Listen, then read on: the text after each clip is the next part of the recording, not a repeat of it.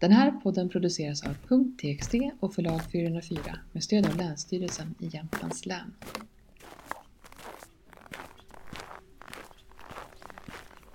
Östersunds västra saluhallen, tid 1948. Jag minns när min mamma och jag åkte med tåg till stan, stannade vid Västra, gick upp för gatan, hörde den blå lastbilen som med sjungande däck och motor körde gatan fram. Sen gick vi in på saluhallen. Alla dessa goda dofter, sill, korv, ost och tunnbröd. Det minnet glömmer jag aldrig. Välkommen till podden Det dolda, där vi berättar om allt som finns men inte syns. Här samlar vi personliga minnen från olika platser och olika tider för att berätta om platser på nya sätt. Jag heter Malin Palmqvist. Och jag heter Sara Svedenmark.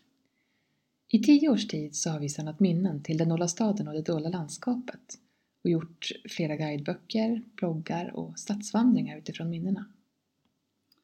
Som ni hörde i det här första minnet som kommer från Ove Eriksson ska vi prata om smak och doftminnen idag. Har du något speciellt minne som du förknippar med doft och smak Malin? Ja, nu kommer jag att tänka på ett, eh, en släkting till min farmor som vi brukade bjuda på saft, eh, svartvinbärssaft, som hon säkert hade gjort själv och den smakade alltid, eller ofta lite konstigt den här saften och så här i efterhand så har jag förstått att den var nog lite jäst eh, och det var ju bara vi barn som drack den saften, de vuxna drack ju kaffe oftast. Så att, ja. Har du något särskilt minne som du kommer att tänka på? Ja, men jag har också ett minne från när jag var eh, barn eh, som handlar både om doft och om smak. Min farmor hade en liten sommarstuga där hon var på sommaren och när vi skulle fika så fick vi barn då gå ner i källaren och det var ju liksom under den här sommarstugan där det var svalt och det var fuktigt och det luktade jord. Och där fick vi hämta hallonsoda så att jag förknippar det. Den doften eh, av jordkällaren nästan med hallonsoda. Aha, intressant. Men eh, som du berättade i ditt minne också så är inte alla smakminnen så här riktigt goda. Nej, precis. Vi har ett minne från Lit eh, från 1956. Det hände på 1950-talet att skolbarnen skulle få fiskleverolja som tillskott en gång i veckan. Jag gick i småskolan, första klass. Den serverades indränkt i en sockerbit. Kanske för att det skulle smaka bättre. Och för mig så var det här en plåga. Den smakade så illa jag kvälldes och fick med största svårighet ner den. Ibland så låtsades jag ta sockerbiten i munnen men spottade ut den så fort jag kunde när ingen såg. Jag kan än idag minnas den där smaken. Fortfarande äckligt. Alltså fiskleverolja, vad, vad var det? Varför skulle man äta fiskleverolja? Vet du det? Ja men är det inte att det är någon väldigt nyttig vitamin i fiskleverolja? Ja, är det omega-3? Ja, eller så... Jag törs inte svara på det. Nej. Men nyttigt är det. Det måste varit en brist som man hade då. Ja. som, som gjorde att man skulle ta fiskleverolja liksom. Ja, och jag har hört liknande historier om eh, när- att barn skulle äta benmjöl. Mhm. Och det tror jag var för tändernas skull. Ja, okej. Mm. Men det var inte heller uppskattat av de jag har hört av det. Nej, Nej. just det. Och det där, man kan ju riktigt känna hur illa den här personen tycker att det smakar när Ja. man hör det här. Och vi har lite fler sådana faktiskt. Mm. Ett från Sikås och eh, 1950-talet. På skolan i Sikås på 1950-talet kom mjölken från mejeriet i byn. En dag luktade det inte som det brukar i matsalen. Från mejeriet hade man skickat fel mjölk, getmjölk. Vi tvingades dricka den och det var inte lätt, åtminstone inte för mig. Inte nog med det. Nästa dag var det kokt torsk med sås gjord på getmjölk. Mitt emot mig satt en klasskompis som försökte få i sig maten men kräktes upp allt som kom i retur åter till tallriken. Det var kanske den livsavgörande händelse som gör att jag fortfarande inte äter getost. Och det kan man faktiskt förstå. Absolut! ja, men om vi går från det ena lite mindre angenäma till mer angenäma smakminnen så eh, har vi flera minnen som handlar om korvkiosker i våra insamlade minnen.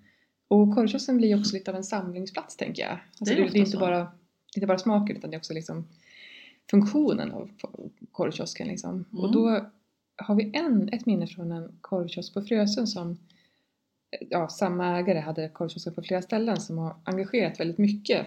Eh, ja, när vi har gått stadsvandringar och så här så har vi fått mycket, mycket tillägg till de här minnena av korvkiosken.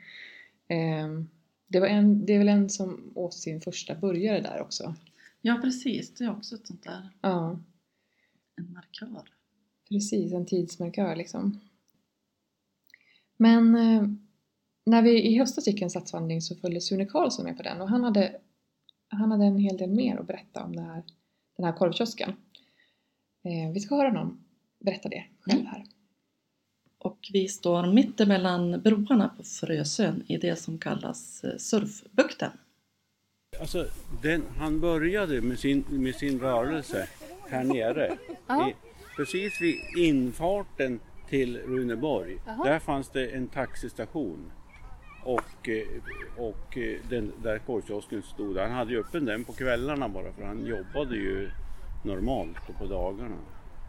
Och där var det ju, det var det så det började egentligen. Han hade ju hemgjord mos och det gjorde han ju hemma, hemifrån. Han bodde mitt över vägen bara. Så, så, så fick han väl hålla på tills myndigheterna sa ifrån att han var tvungen att dra in vatten och avlopp där i den där lilla kiosken. Så, men de gjorde väl, hjälpte väl han att fixa det tror jag. För de hade väl av, vatten och avlopp på taxistation där som kunde koppla ifrån den. Ja, okej. Och det var ju som huvudingången till Runeborg då som gick förbi där. Så att det, det var ett strategiskt läge om man säger. Och så sen där alla som gick, som gick över Frösebron, man kom ju Hornsgatan då rakt ner. Ja, Där vi, slu, där vi stod, där fortsatte ju Hornsgatan rakt ner på gamla Frösebron. Och, och, ja. Vad hette han? Va? Vad hette han? Jonasson hette han. Ja. han. Frösövägen gick ju här nere då. Efter sjön. Ja, det ja. finns ju en snutt kvar av den där borta. Ja, just det. Ja. Så, så, så snett upp här gick den då. Gamla Frösövägen och där fanns det ju en pressbyråkiosk och, och, och lite grejer där. Ja. Men då stod, och den stod ju här borta, den, ja någonstans här. Ja. Mm. Och sen var, gick det efter Frösövägen då så var det ju en, en pressbyråkiosk Mm, okej. på andra sidan vägen. Mm. Just det. Vad heter du för någonting då? Sune Karlsson hette Ja, jag. Ja. Nej, jag har ju, jag har ju uppväxt här. Jag, Ja. har ju, som Vart är du här mycket. någonstans? Va? Vart är du uppvuxen? Upp på byvägen. Ja, okej. Mm. Just det. På, på alltså bortre delen där, Ja, där den tar slut. Eller den börjar ju egentligen Ja. där. Mm. då var det ju... Det- Det var ju otroligt mycket affärer vet, efter Hornsgatan. Ja. Och sen även efter Bergsgatan. ja. Och kaféer, det var ju massor av olika kaféer. Men var det den korvkiosken som flyttade dit sen? Ja, den flyttade de upp det dit det sen. Ja, Ja, men de det. flyttade upp den dit och sen när de, när de byggde det här. När de Ja. byggde de här husen och gjorde, då gjorde de ju om all, hela, allt det här. Ja, just det. Så då flyttade de upp den på, på, på, Näs, eller på, på Dalagatan. Ja. Nej, Näsvägen. Näsvägen, den. Näsvägen. Ja. Dalagatan är ovanför. det. Ja. Ja. Just det. Men, eh, och, men eh, det här med burgare, åt du också burgare där? Eller?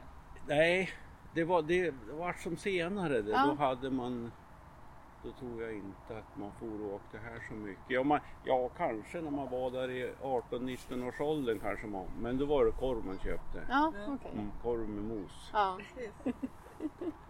Men slutade han sitt vanliga jobb sen? Och- Slutade han sitt... Du sa att han hade ett annat? Nej, han hade nog det jobbet för han hade, han hade det bara öppet på kvällarna. Men han, det kan ju hända att han var så pass gammal på slutet där så att han var pensionär. Ja. Och, nej, sista tiden han hade. Hur länge fanns det då? Kommer du ihåg det? Nej, så det, det fanns ju tills de byggde de där husen på den där sidan, de där röda husen. Det var ju en handelsträdgård där. Ja, just det. Var det du hade Ja. också. Mm. Och den var, ju- gick, gick ju över hela där. Den, Ja. på, ända ner till, ja, ända ner till eh, Frösövägen kan man säga. Ja. Mm. Ju en Alltså där, där Konsum är idag då eller? eller? Nej. Nej, tänker jag nej, fel. nej. Det, nej. där, där Konsum är, där var ju den där hästgården. Ja, det var det du sa när du stod där. Ja, Mm, mm. just det. Handelsträdgården den var ju, den var ju lite bortanför, mot Rutsvägen. Den slutar mot. Rutsvägen. Ja, just det. Ja. Mm. Och, och, och där är det ju två, två stora hyreshus nu. Det där, ja. Ja. Mm. Så när de byggdes då försvann nog då försvann kiosken. Jag Ja. tror det. Men jag är inte bombsäker men Nej, den försvann ungefär i den vevan. ja. Just det. Så fanns det en liten kiosk till också bredvid Tages. Jaha, Precis på, på hörnet emot Tages eh, konditori där. ja. Där fanns det en korvkiosk också. Mhm. Men han hade det bara, ja han hade ju bara korv. Mm. Så det, fann, det var lite konkurrens. Ja. Det fanns lite konkurrens. Det måste vara många som åt korv på Frösön på den Ja, tiden. jo, men det var ju som, det var ju det. Var ju det. Ja. Fick man en, åt sig någon 50-öring så gick man ju och köpte en korv. Och det här var när vi träffade Sune Karlsson på en stadsvandring på Frösön. Och Sune han berättade också om att han brukade köpa luffarmacka. Men vi Nej. har ju faktiskt ett till exempel på det här med luffarmacka i våra minnen. Eh, och det är från kiosken i Ås på 70-talet, 75 till 78 sådär. Kiosken i Ås var byns samlingsplats för alla ungdomar. Man köpte blandat smågodis, en hel påse för en krona. Eller slog på stort med en luffarmacka. Korvbröd med en klick mos, senap, ketchup och rostad lök eller räksallad. Mums! Och det är Anette Hult som berättar det här minnet. Mm. Det jag funderar lite på där, är liksom, var det mycket billigare med en, en eh, eh, luffarmacka än en korv med bröd liksom, eller? Ja men det kanske var så. Ja, det blev liksom en budgetvariant. På. Ja. Mm. Ehm. en annan doft som väcker många minnen, det är ju doften av kaffe. Och vid järnvägsstationen här i Östersund så finns det ju en väldigt snygg grön neonskylt. Visst vet du vilken jag menar? Ja, precis. Den där som är snirklig stil. Ja, precis. Det står Isakssons på den. Tidigare så snurrade den faktiskt runt, eh, vet jag, men eh, jag tror att det lät inne i byggnaden så man valde att låta den stå stilla. Jaha. Tyvärr. Det vore snyggt om den snurrade runt tycker jag. Eh, men där var det i alla fall ett kafferosteri som hette Isakssons kafferosteri. Och vi har flera minnen om den här doften som spred sig därifrån. Plats Bangårdsgatan ÖPR Isakssons kafferosteri. Tid Sent 1950-tal. Doften av rostat kaffe. I slutet av 50-talet började jag på ÖPR, Östersunds praktiska realskola. Skolan låg i de lokaler som sedermera kallas Österängsskolan. Vi hade förstås gymnastik och idrott på schemat och var både ute och inne. Inomhus innebar aktivitet i gymnastiksalen som idag är Teaterverkstadens lokaler. Utomhus kunde vara på Björkbacka eller Fyrvalla. På höstarna var det gatlopp, alltså att springa cirka tre kilometer längs Bangårdsgatan. Den gemensamma starten var utanför gymnastiksalen och så bar det iväg mot söder. Gymnastikdirektören Christer Hultgren startade varpå han satte sig på cykeln och cyklade till ungefär Nyströms, där Nyströms kakelaffär ligger idag. Där var, en kontrollant, där var en kontrollant och rundningsmärke. Det var då att, att vända och springa hem. I lokalen mittemot gymnastiksalen låg då Isakssons kafferosteri. Som jag minns det så var det klara höstdagar som dessa träningspass ägde rum. Några hundra meter före målet, ungefär vid Matpiratens gamla lokaler, möttes vi då av rostad kaffedoft. Och då visste vi att målet var nära. Jag förknippar än idag, drygt 60 år senare, doft av rostat kaffe och upplopp i ett gatlopp med, var med varandra. Jag heter Jan Palmqvist. Ja, apropå det här med kaffe så finns det också ett minne från Gevåg i Ragunda som handlar om kaffet och tiden är då runt 1948. Klarskinn var skinn av lutfisk som man klippte i små bitar och la i kaffepannan eller kaffekoppen så att kaffet skulle bli väldigt fint. Vi förvarade skinnen i en burk på en hylla i köket. En gång hade jag en skolkamrat hemma och bjöd på kaffe. Hon tyckte kaffet var väldigt gott och jag tog ner burken med klarskinn från hyllan för att visa henne. Jag har haft i det här och därför blir det så gott kaffe. Och herregud, sa hon, det är kråkklor. Det var nämligen skottpengar på kråkor, en krona, och skator, 50 öre. Benen klipptes av och samlades i en burk av mina bröder på samma hylla som klarskinnet, berättar Anna-Stina Palm. Kaffe har vi ju druckit länge, eh, men det är också så att eh, olika tider har sina olika nymodigheter. Idag är ju mjukglass helt självklart en varm sommardag. Men så har det inte alltid varit. Nej, precis. Vi har ett minne från 60-talet som berättar om det här.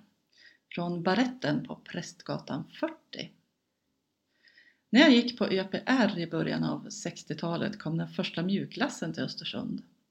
Det var ett ställe som hette Baretten som låg där Svedbergs guld ligger idag. Där hade de, som jag kommer ihåg det, den första mjukglassen. Vi gick i skolan även på lördagar då och slutade ett eller så. Sen brukade vi gå dit. Vi fick mjukglass i glas och jag tror det var frukt i och sådär. Det var som en riktig dessert. Baretten hade stora skyltfönster ut mot gatan så man kunde sitta där och spana på folk. Det var nytt då och väldigt modernt. Det var kanske 1963 eller 1964. Senare på 60-talet brukade vi gå på Nystedts, eller Nysan som det kallades. Det som är Törners nu. I Tempovaruhuset låg Tages, men det var senare när jag gick i gymnasiet. Mm. Jag tänker också på en annan sån här ätbar tidsmarkör. Det är ju morotskakan. Minns du när du åt din första morotskaka? Ja, inte exakt när jag åt den första, men jag minns att eh, det var en period när man åt det väldigt, väldigt mycket. Ja, precis. Det var på 90-talet. Ja, det var nog på 90-talet. Ja. Och den var... Det var väl att den, som jag minns att det var så lite nyttigare. Ja, men jag har också den uppfattningen. Ja, jag har också hört någon historia om att dietister de blir ofta bjuden på morotskaka för att Ah. det ska vara så nyttigt när man bjuder på en dietist på fika. Ja. Vi har ett minne om eh, morotskakan också. Och det är från gamla tingshusets café. På 90-talet just. Mm. Det var väl här på tingshuset som morotskakan blev ett begrepp. Det nya, nyttiga. Det är i alla fall den jag minns och trängseln. Hit vallfärdade vi många från Ås, speciellt på lördagarna. Kön var lång och hade man tur stötte man ihop med grannarna som skulle in och fika, brunkulla-te och morotskaka. Och det skriver Eva Sundin. Mm. Tänker jag på eh, brunkulla-te också som du nämnde. Det, men att där har vi ju, Fia Gulliksson har berättat för oss, hon drev ju Brunkullans krog i många år men var också med och tog fram Brunkullans te. Som eh, hon också är med och driver idag. Eh, vi ska höra henne berätta själv lite grann om hur det gick till när smaken skapades. 77 så kände mamma att gud jag skulle vilja ha ett eget te. Eh, på Brunkullan. Brunkullans bod måste ha ett eget te. Och eftersom jag då har en sån här speciell tunga som heter lingua applicata. Jag har jättevälutvecklat smaksinne. Så bad hon mig balansera fem av hennes favoritteer till, att, eh, ja, till en blandning. Där ingenting skulle sticka ut. Så hon plockade fram då citron, bergamott, Earl Grey, eh, jasmin, eh, hibiskus. De fem smakerna. Och de blandade jag och sen blev det Brunkullans originalte. Så den föddes där då 77 kan man säga på Brunkullans bod. Och det teet sålde vi eh, på Brunkullans bod på lösvikt. Och där hörde vi alltså Fia Gulliksson berätta om hur det gick till när Brunkullans te skapades. Ja, och då är vi tillbaks på nästan samma plats där vi började. Från saluhallen på torget i Östersund 1948 har vi med hjälp av olika minnen har vi besökt olika tider och olika platser och landat vid tingshuset på 1990-talet. Mm. Då får vi tacka för oss idag. Tack för idag! Tack, tack! Du har lyssnat på podden Det dolda, om allt som finns men inte syns. Om du själv vill lämna ett minne till oss eller läsa eller lyssna på fler minnen kan du gå in på dendoldastaden.se eller detdoldalandskapet.se. Där hittar du också kontaktuppgifter till oss. Podden Det dolda produceras av .txt och förlag 404 med stöd av Länsstyrelsen i Jämtlands län.